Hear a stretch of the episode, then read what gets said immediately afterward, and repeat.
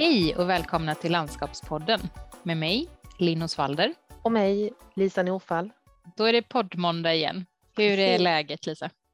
Ja, men eh, det, är, det är väldigt bra. Det är fina höstdagar här i Alnarp och det är ju alltid trevligt. Hur är det med dig Linn? Ja men verkligen, jag, jag håller med om det med hösten. Det är verkligen en eh, favoritårstid tycker jag.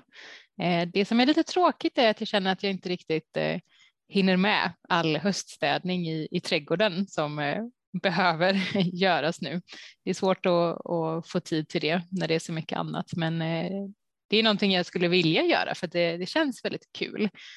Till exempel har jag ju mycket fruktträd som eh, har gett mycket äpplen och så och det har jag ju fått in lite nu, men sen har jag också två valnötsträd som definitivt är eh, dags nu att plocka in och det har jag börjat göra lite grann och få in dem och torka dem och så där. Men eh, det ligger fortfarande många kvar på marken där ute. Och det är ju när man väl kommer ut och gör det så är det ju helt fantastiskt. Men det är just att få tiden mm.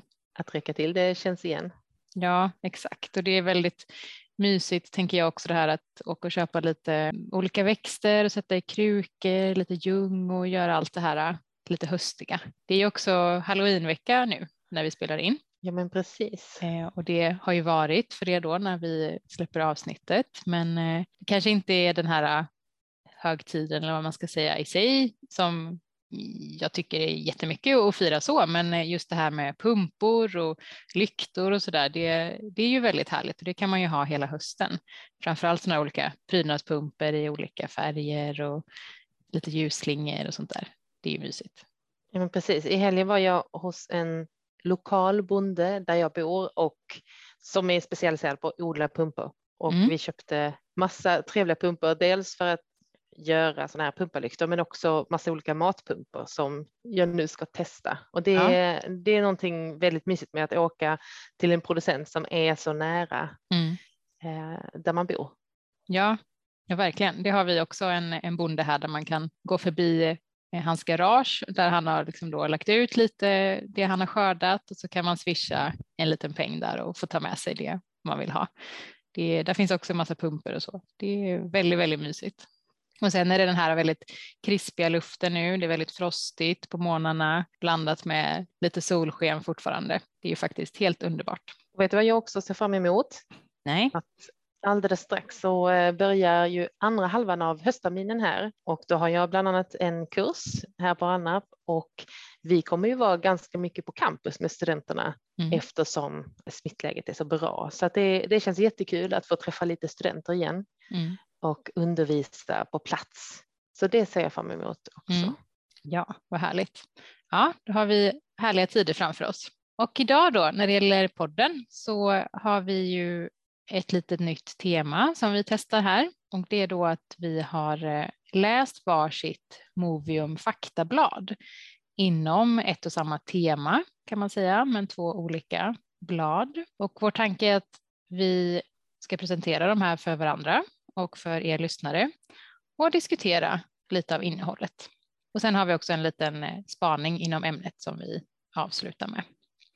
Och det tema som vi har valt ut för dagen, det kan man säga är inom området miljöpsykologi och lite närmare bestämt då natur och naturintryckens betydelse för människans välmående. Men innan vi börjar med detta så kanske vi ska förklara lite kort vad Movium är för någonting för de som inte vet det. Ja men precis och Movium det är ju en tankesmedja eh, som finns här på SLU och de arbetar med olika stadsutvecklingsfrågor. Och eh, det de gör är att de utvecklar idéer och tar fram och sammanställer och sprider information och kunskap och åsikter. Och de driver också olika forskningsprojekt. De arrangerar kurser, ger ut publikationer och deltar generellt i den här offentliga debatten som är kring just samhällsutveckling. Och Movium det är en mötesplats för alla som arbetar med de här frågorna och ser stadens utemiljö som en viktig resurs i skapandet av attraktiva och hållbara städer. Och jag tänker att många kommuner är säkert medlemmar i Movium och då får man ju också tillgång till eh, väldigt mycket material som Movium tar fram. Och är man nyfiken på eh, den här tankesmedjan så finns det en hemsida som är www.movium.slu.se. Och de här texterna som vi har studerat idag, det är ju Moviums faktablad som ges ut ett par gånger per år på olika teman och då är det eh, forskare och personal från SLU som skriver de här faktabladen. Och eh, är man medlem i eh, Movium så får man ju tillgång till de här gratis, men de går också att köpa som lösnummer om det är något särskilt man är intresserad av. Och allt det här finns ju på Moviums hemsida.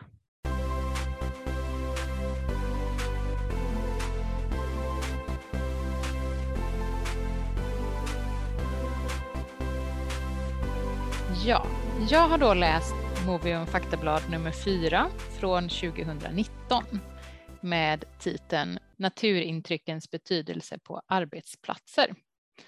Och det här faktabladet är skrivet av Erik Skärbäck som är professor emeritus, alltså att han är pensionerad professor vid institutionen för landskapsarkitektur, planering och förvaltning på SLU i Alnarp.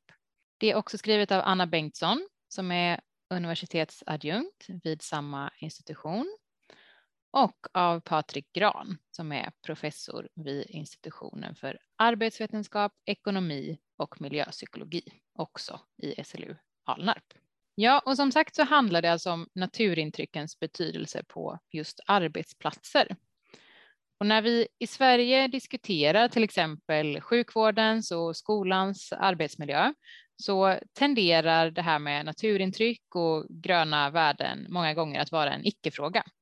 Och det är det då alltså trots att det finns väldigt omfattande forskning, alltså både nationellt i Sverige men även internationellt, som visar på värdet och nyttan av utevistelse och natur för människors hälsa och välbefinnande. I det här faktabladet så presenterar författarna en del av den evidens som forskningen inom det här området har genererat genom åren. Och vi ska kika då lite närmare på några av de här studierna och vad de har kommit fram till.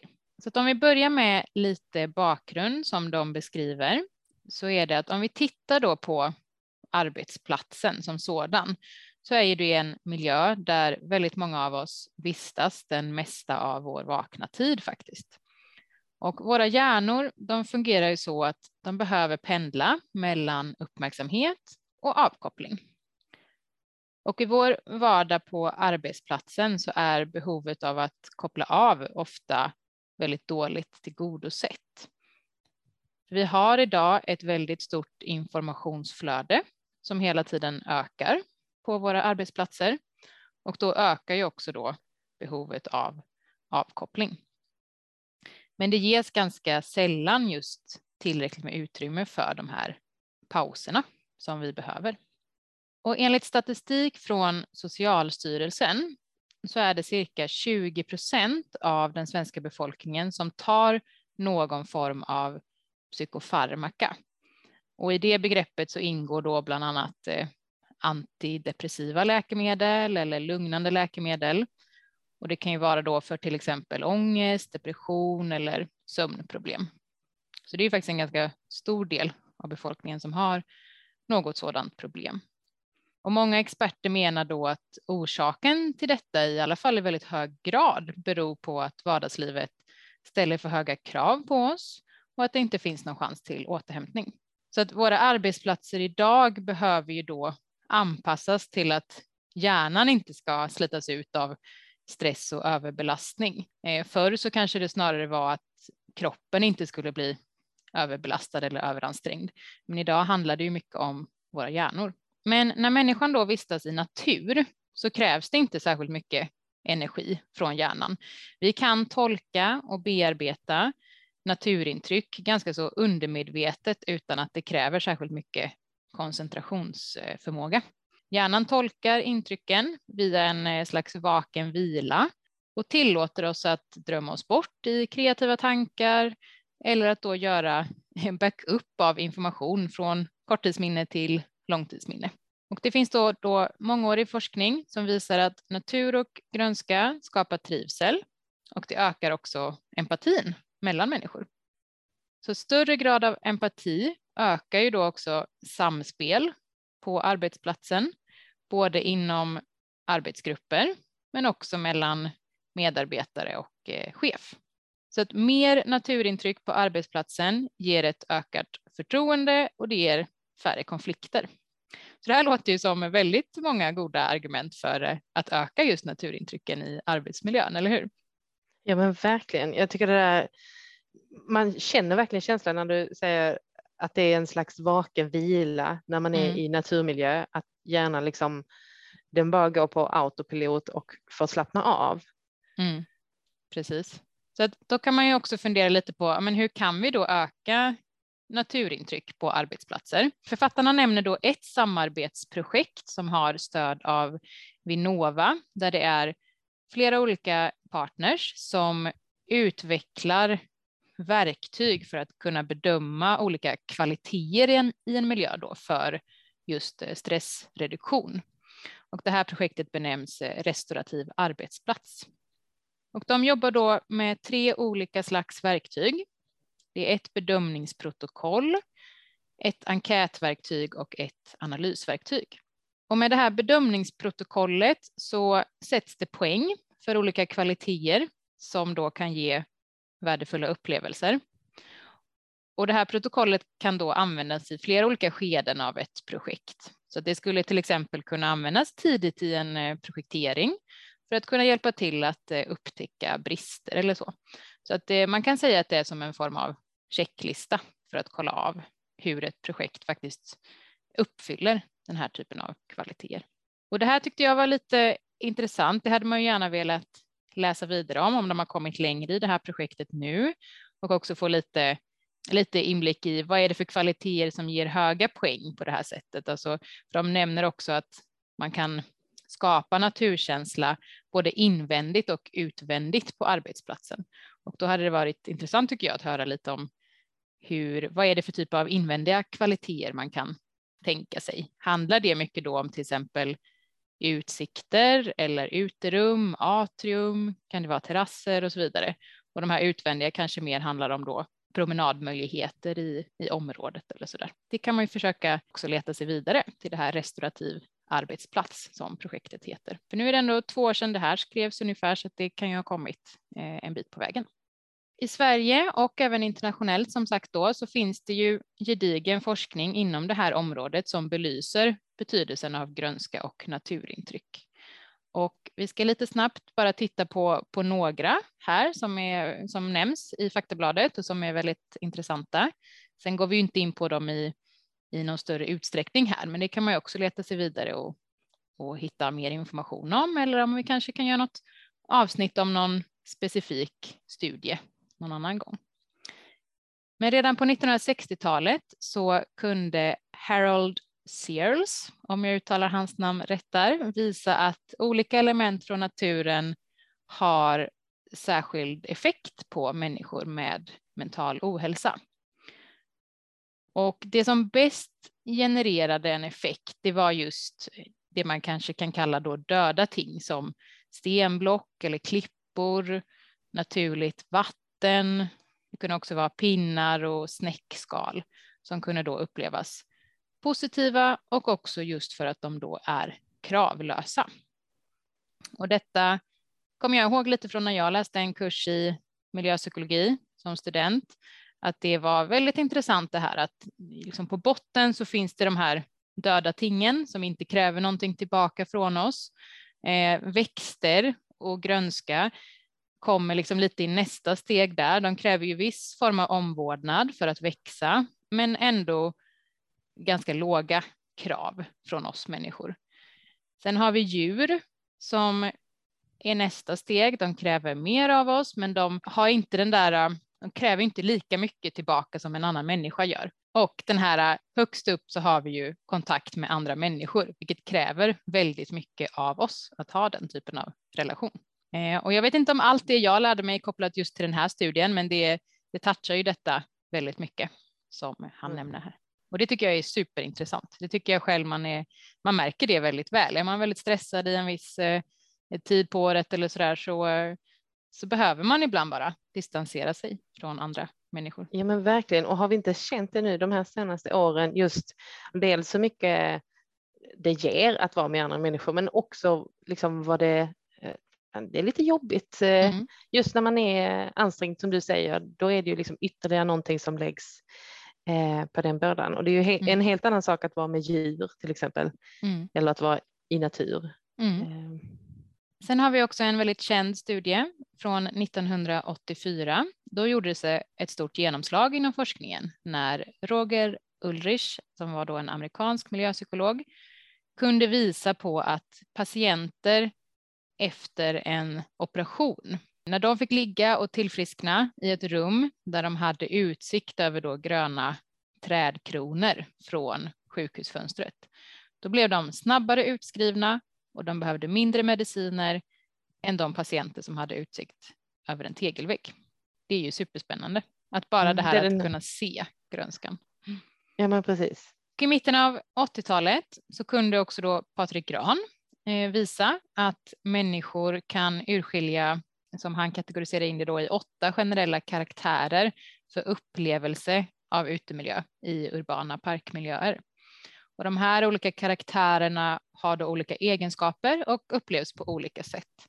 Många av dem är rofyllda, avkopplande, medan några av dem snarare stödjer med de här sociala interaktionen då med andra människor. Och det här är till exempel en studie jag tänker vi skulle kunna gå in mer på någon annan gång och kanske till och med prata med Patrik om.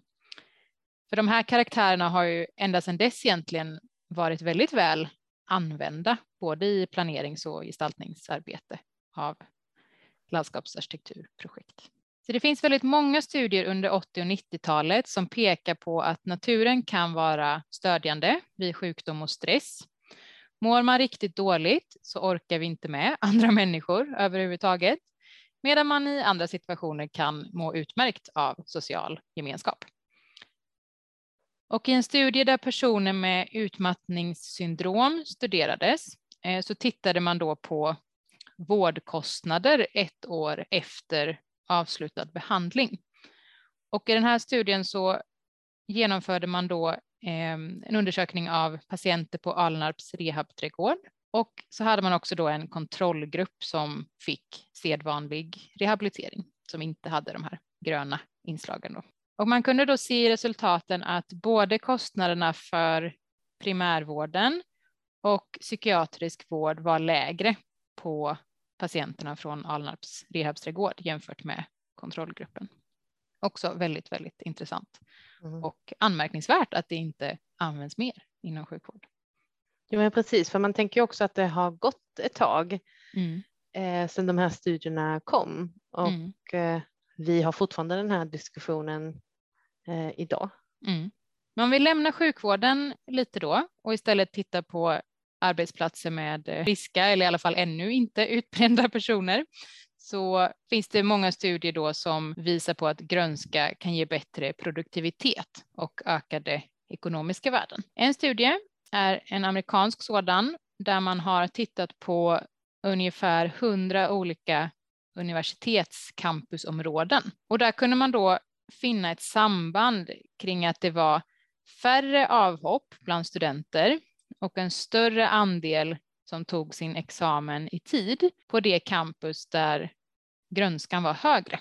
Grönskan den mätte man då i krontäckningsgrad och också i andel gröna ytor totalt på campusets eh, totalareal. Och det här skulle man ju kunna tänka sig då att det, ja, men det kan väl finnas andra orsaksfaktorer som kan spela in. Eh, men det har de då gjort kontroller på, till exempel kring eh, brottsstatistik eller ekonomi, alltså ekonomisk eh, situation både för staden där universitetet ligger och för studenterna. Eh, men man kunde inte finna något annat samband som påverkade resultatet. Utan slutsatsen kvarstod då att grönskan hade ett signifikant samband med arbetsresultat. Studier har också visat att utsikt mot grönska på arbetsplatser är fördelaktigt för arbetskraft, arbetsförmåga och arbetsglädje. Att grönska på arbetsplatsen möjliggör återhämtning av koncentrationsförmåga samt att det finns eh, miljökaraktärer då som kan vara särskilt betydelsefulla för kreativitet och idéutveckling. Att man tar promenad under dagen vid lunchtid eller så och att man cyklar till jobbet ger också lägre stress, visar då det här eh, Vinnova stöttade projektet, restaurativ arbetsplats. Och det här med cykling har man också kunnat se då bidrog till bättre sömn. Det finns också då samband med att trivas på sin arbetsplats och med det menar de då att ha grön utsikt och att interagera med sin närmiljö, alltså att ta promenader. Men man har också sett att ju fler bilar det finns i utemiljön, desto sämre upplevelse har man av de här rofyllda gröna karaktärerna. Även om de kanske finns där så upplevs de inte lika väl. det här vet jag inte om du eh, tänker på Lisa, men jag funderade lite på det just på våra arbetsplatser på Alnarp, för vi har ju en väldigt, väldigt vacker miljö på Alnarp generellt. Eh, men eh, både ditt och mitt kontor, där har vi ju utsikt som vetter mot Alnarpsgårdens innergård som egentligen är en stensatt eh, stor yta med fasader runt omkring. Så det finns ju ingen direkt grönska där inne. Det finns väl ett par träd, men den upplevs ju inte som en grön miljö.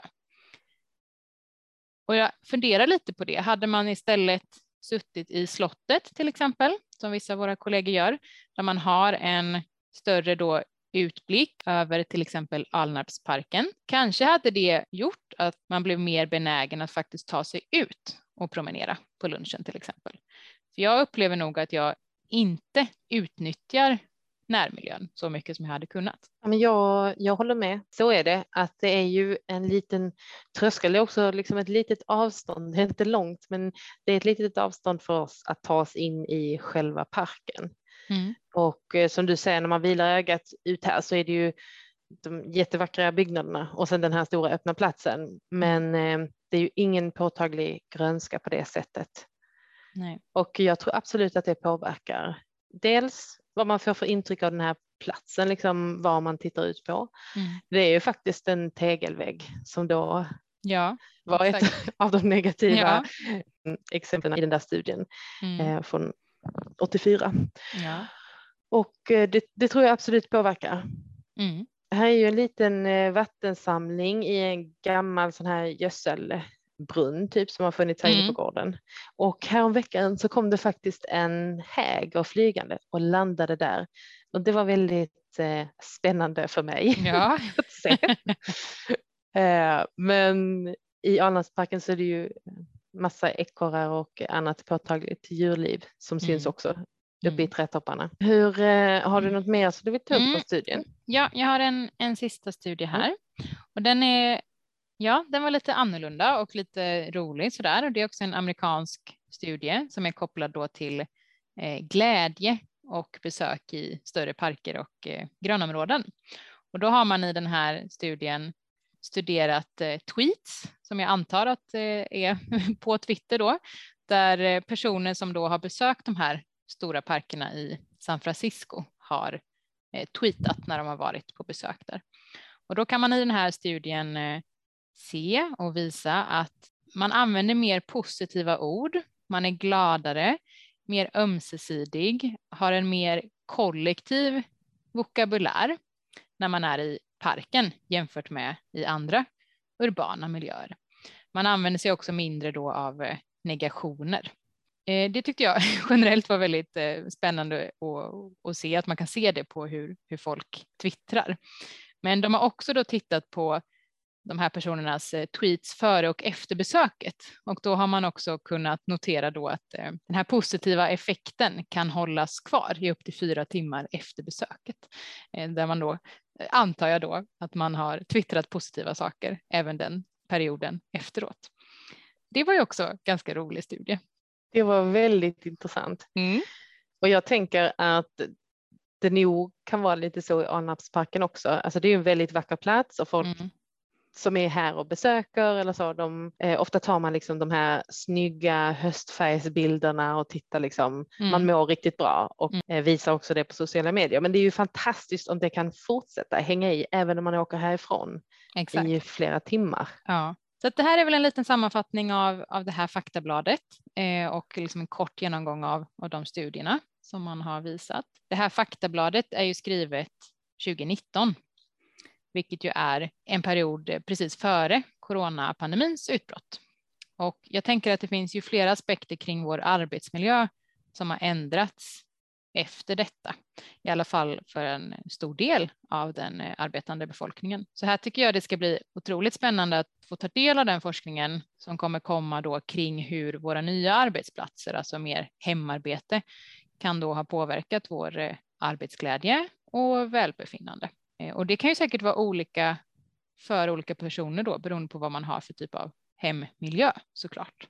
Men bara nu idag när jag har suttit och förberett lite inför avsnittet och podden här så har jag fått ett lugn genom att jag sitter och tittar ut genom fönstret på de böljande fälten.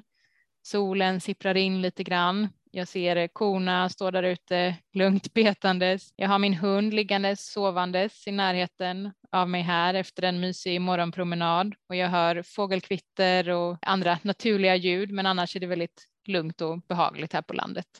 Så att jag upplever ju detta som väldigt mycket mer rogivande än att pendla in till jobbet, stressad, frustrerad över trafik, trängsel och att sen då sätta mig på mitt kontor och titta ut över den där innergården. Det, ja, det, det finns ju verkligen eh, många frågor, många studier att göra på detta och dra slutsatser av, tänker jag.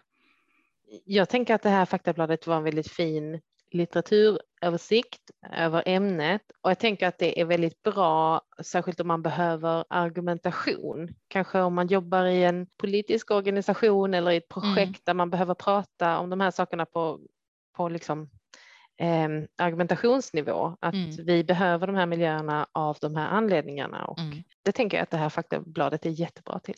Ja, Ja, men verkligen, för det är ju just det här att det krävs ju att den här forskningen också når ut för att det faktiskt också ska, ska bli några förändringar. Eh, och ja, det kan man nog behöva göra på, på många olika sätt, att verkligen försöka pusha för detta, både i, på vanliga arbetsplatser men också då i, i vårdmiljöer. Ja.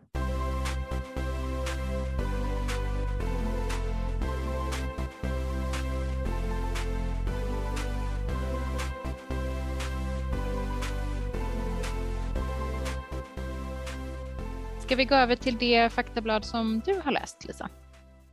Men precis, det är ju ett faktablad på eh, samma ämne, men eh, där forskarna har jobbat lite mer tillämpat eh, och gjort projekt tillsammans med yrkesverksamma.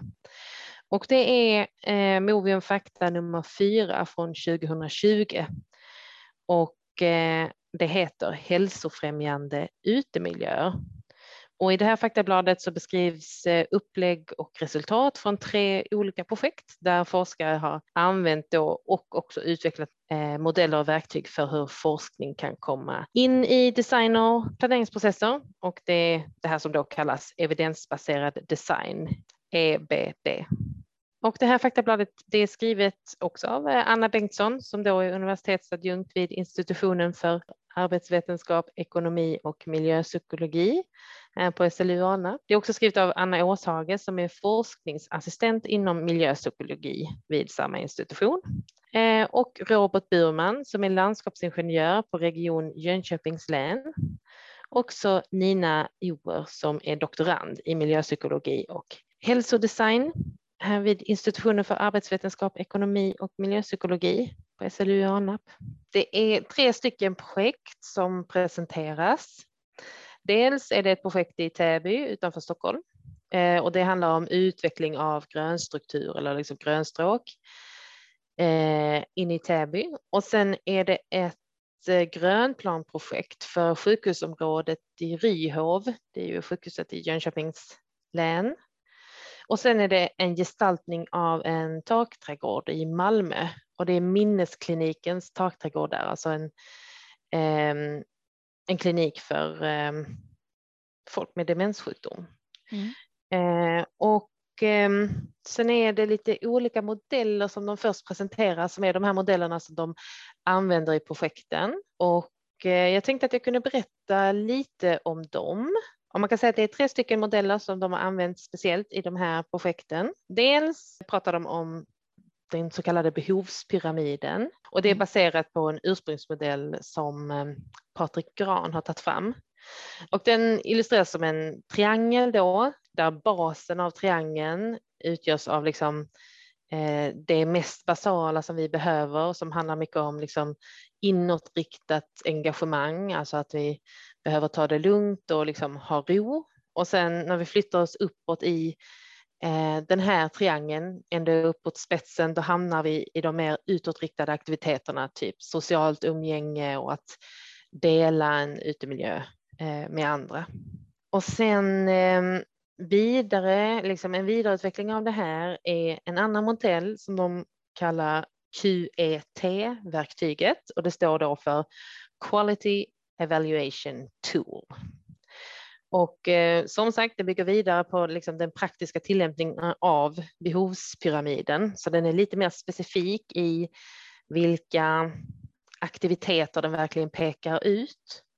Och eh, då skiljer de liksom på eh, olika miljökvaliteter. De här kvaliteterna är indelade i två grupper eh, och grupp A beskriver miljökvaliteter som förebygger, som de säger, riskfaktorer genom att skapa en bekväm och trygg och säker utemiljö. Och där handlar det om eh, kvaliteter som orienterbarhet, att något känns familjärt, att eh, olika, eh, att man har liksom olika möjligheter att göra olika saker i olika väder och eh, hur omgärdad en plats är och att det finns tydliga entréer och också att det är nära och lättillgängligt. Det är liksom förutsättningar som en miljö måste ha för att vi ska kunna använda den. Och sen har de då den här andra gruppen, grupp B, eh, som handlar mer om liksom stimulerande design. Och det kan man säga är liksom saker som utmanar och stimulerar i miljön i liksom kontrast till att ge trygghet och funktion. Mm. Och även det illustrerat liksom från någon slags basgradient till stigande liksom utmaningsgrad. Och på botten där då pratar de om avskildhet och upplevelse av vild natur, rofylldhet, alltså mycket som handlar om att sitta typ och ta det lugnt och få vara i fred.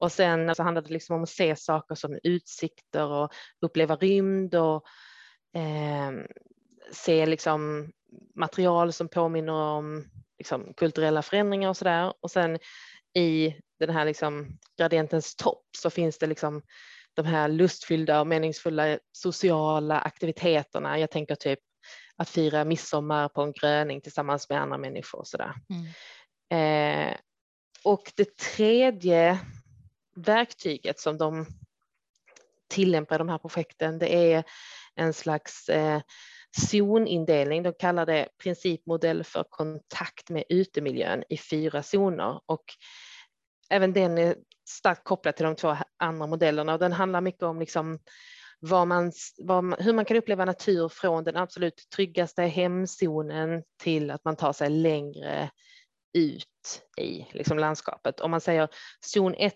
då, då är det kontakt med utemiljö från byggnaden, till exempel att man tittar ut genom ett fönster. Zon 2, det är liksom kontakt med utemiljön i övergångszon mellan ute och inne, till exempel vinterträdgårdar eller en balkong. Zon 3, ytterligare lite längre ut, det är närmiljön, alltså den här utemiljön som man har i direkt anslutning till byggnaden, typ trädgård, bostadsgård. Och zon 4, det är den yttre omgivningen, alltså att man har kontakt med eh, miljön utanför fastigheten. Så till exempel en närpark eller en stadspark. När du beskriver de här tre modellerna, är det så att några eller alla av dem, är de specifikt kopplade till utvärdering av eh, vårdmiljöer på något sätt eller är det andra typer av situationer också som de är tillämpbara? Ja men precis och de här eh, projekten eh, de har ju ett gemensamt syfte och det är att man har valt att titta på just hälsofrämjande miljöer. Så att det är ju till viss del kopplat till användning av brukargrupper som har något särskilt behov.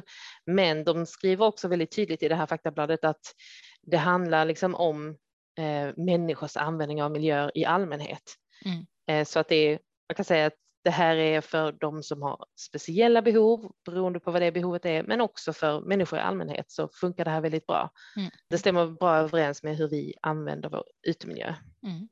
Och det tyckte jag var väldigt intressant för att eh, det blir så tydligt att när vi gör någonting bra för en eh, viss kanske skörgrupp eller någon som behöver något speciellt, då blir det också bra för alla.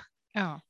Eh, jag tänker till exempel på begreppet 880 cities som Jill Penalusa jobbar mycket med, alltså att om vi designar en stad för åldersgrupperna 8 alltså att en åttaåring ska kunna röra sig där och att en 80-åring ska kunna röra sig där mm. eh, på ett bra sätt. Då blir det också en bra stad för alla andra grupper. Ja, just det. Och det är då de här olika modellerna som författarna genom sitt projekt har liksom använt för att tillsammans med lokala planerare och också eh, arkitekter från olika firmor ta fram liksom en plan för varje individuellt projekt. Och i Täby blir det då liksom en utvecklingsplan eller utvecklingsstrategi för det här grönstråket och det är lite mer långsiktigt vilka liksom åtgärder man kan göra, hur man kan förvalta fram en bättre plats. Eh, och på det här sjukhusområdet Ryhov i Jönköping då tittar de också på en slags liksom grönplan, alltså det är på ett väldigt strukturellt plan. De tittar på vilka, eh, vilka områden som erbjuder olika värden och var förbättringar behövs och vilka värden som finns kvar att bevara. Och i den här gestaltningen av takträdgården i Malmö, det är ju liksom det projekt som är i minst skala och där eh, jobbar de mycket tillsammans med White Arkitekter som är de som ritar det Eh, och ger liksom input i processen för att ta fram det här. Och ett fjärde steg som de nämner eh, är ju liksom själva om man säger, utvärderingsskedet. Alltså att vi använder den här eh, evidensbaserade designen men sen efter tillämpningen så krävs det också att vi utvärderar den för att se liksom, dels kunna förbättra själva platsen men också för att förbättra verktyget såklart. Eh, mm. med hjälp av tillämpningen. Och eh, det nämns också att just den här minneskliniken i Malmö, där det alltså var en takträdgård på, ett, eh, på en takterrass, det ska utvärderas nu i år, 2021. Mm. Så får vi se vad de kommer fram till och hur den miljön funkar. Mm. Det kanske vi kan återkoppla till sen då?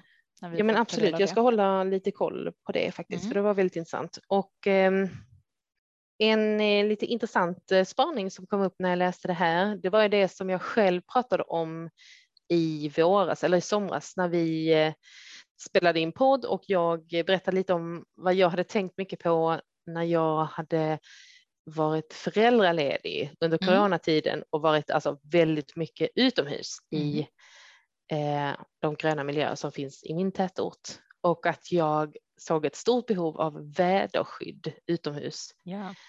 Särskilt i liksom parkmiljöer och gärna kring lekplatser och sådär. Och att det, det fanns inte så mycket ställen att söka skydd just för typ regn och annan nederbörd eller vind, utan oftast tänker man kanske, kanske att det fanns eh, sol, soltak någonstans, men, men inte så mycket annat. Och det nämns i flera av de här projekten, just det här behovet av att kunna vara ute under alla årstider och sitta skyddat. Mm. Eh, och det tyckte jag var kul, eh, för att det bekräftar lite min egen bild och någonting som man kan påminnas om igen. Mm.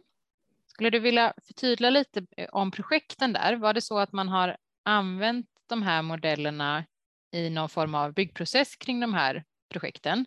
Eller är det enbart ett sätt man har använt att analysera befintlig miljö? Ja men precis, alltså dels har det ju varit liksom eh, en typ av liksom, deltagande aktionsforskning. Så det är ju så att de här forskarna har ju varit med i projektet på olika sätt, för det är också tre helt olika projekt och eh, författarna skriver mycket om att det är ju så att varje projekt är liksom helt unikt så att man måste gå in och tillämpa de här principerna på lite olika sätt i varje projekt och det är precis så de har gjort. Eh, så i det här första då Täby-projektet utanför Stockholm, då har det varit mycket analys av den befintliga miljön, alltså att man har gått runt där tillsammans med eh, kommunala tjänstepersoner och eh, gett liksom input till deras utvecklingsprocess. Mm.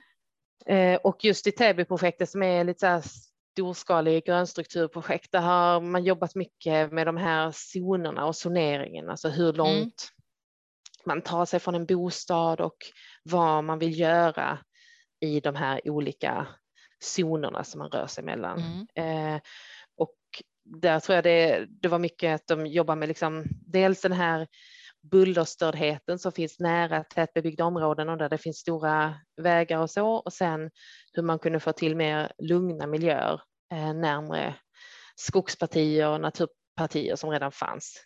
Så att det här när man har använt det som analysverktyg i Täby, då har det varit för att få input till framtida utvecklingsarbete av tätorten i stort. Ja, precis, med fokus på liksom ja. grönstrukturen. Och då går projektet ju också ut på att eh, ge feedback till forskarnas processer med att jobba ja. med de här verktygen. Mm. Eh, och i den här grönstrukturplanen för länssjukhuset Ryhov i Jönköping, då var det såklart regionen som ju är fastighetsägare där som man samarbetade med och också White Arkitekter som jag tror det var eh, som ritade det och sen fastighetsbolaget som väl är regionfastigheter. Och då var det ju liksom dels för att förbättra utemiljön men också analysera och se hur bra den funkar. Mm. Och där vet jag att eh, de var väldigt noggranna med vilka som var användarna för på just ett regionsjukhus eh, då är det ju dels liksom hälsofrämjande för de som är sjuka och är på sjukhuset men det finns ju också massor av personal som använder de här miljöerna. Mm. Och eh, också såklart alla andra som kommer dit och besöker eller, eller mm. enbart besöker liksom den gröna miljön. Och då resulterar det då i liksom en utvecklingsplan med just fokus på hälsofrämjande miljöer. Mm. Och när det gäller den här takträdgården eh, till minneskliniken i Malmö då det föranleddes av att den här minneskliniken skulle flytta från då tidigare har varit på bottenplan och med kontakt med utemiljön till en takvåning. Ehm, och i samband med det här projektet så gjordes någon pilotstudie där de började titta på hur personer med demenssjukdom i ganska tidigt stadie reagerade på att få vara i eh, trädgårdsmiljöer. Då använde man Alnarps rehab trädgård för just den pilotstudien och eftersom man såg väldigt positiva resultat hos eh, de som hade den här som hade då demenssjukdom och eftersom den här pilotstudien gav preliminära resultat som visade att det var väldigt viktigt eh, att kunna röra sig i gröna miljöer så blev det liksom eh, grunden för den här fortsatta studien sen där då forskarna har varit med i designprocessen. Och även här så var det då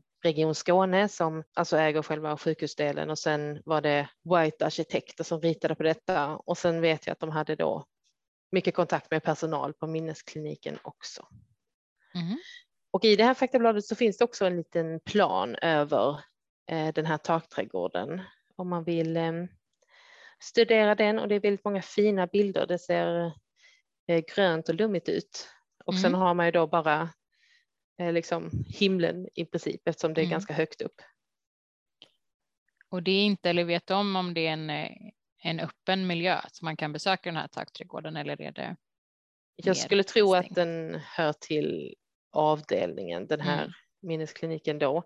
Så det är säkert så att eh, man inte kan komma dit om man inte har ja, kanske bokat studiebesök eller mm. sådär. Det är mm. säkert extra svårt i dessa tider. Men, mm. men som sagt, det finns eh, väldigt bra fotografier och eh, man kan säkert läsa ännu mer om projektet mm. eh, på andra ställen. Och de skriver också väldigt mycket om dels liksom, är sådana här projekt såklart viktiga för att det berikar ju projektet och det berikar forskningen. Men generellt så tycker forskarna att det är väldigt viktigt att, att det är väldigt viktigt att den forskning som finns på området faktiskt kommer ut till de som jobbar i design och planeringsprocesser. Mm. Och jag tänker att det här faktabladet är ett jättebra sätt att eh, ha lite kunskapshöjande aktivitet. Alltså det är liksom 11 12 sidor väldigt lättsmält läsning och Eh, som sagt, är man redan Movium partner så kan man ju bara ladda ner det här och, läsa och ha lite kanske lite seminarier på nästa APT eller något annat för att diskutera just de här frågorna. Mm.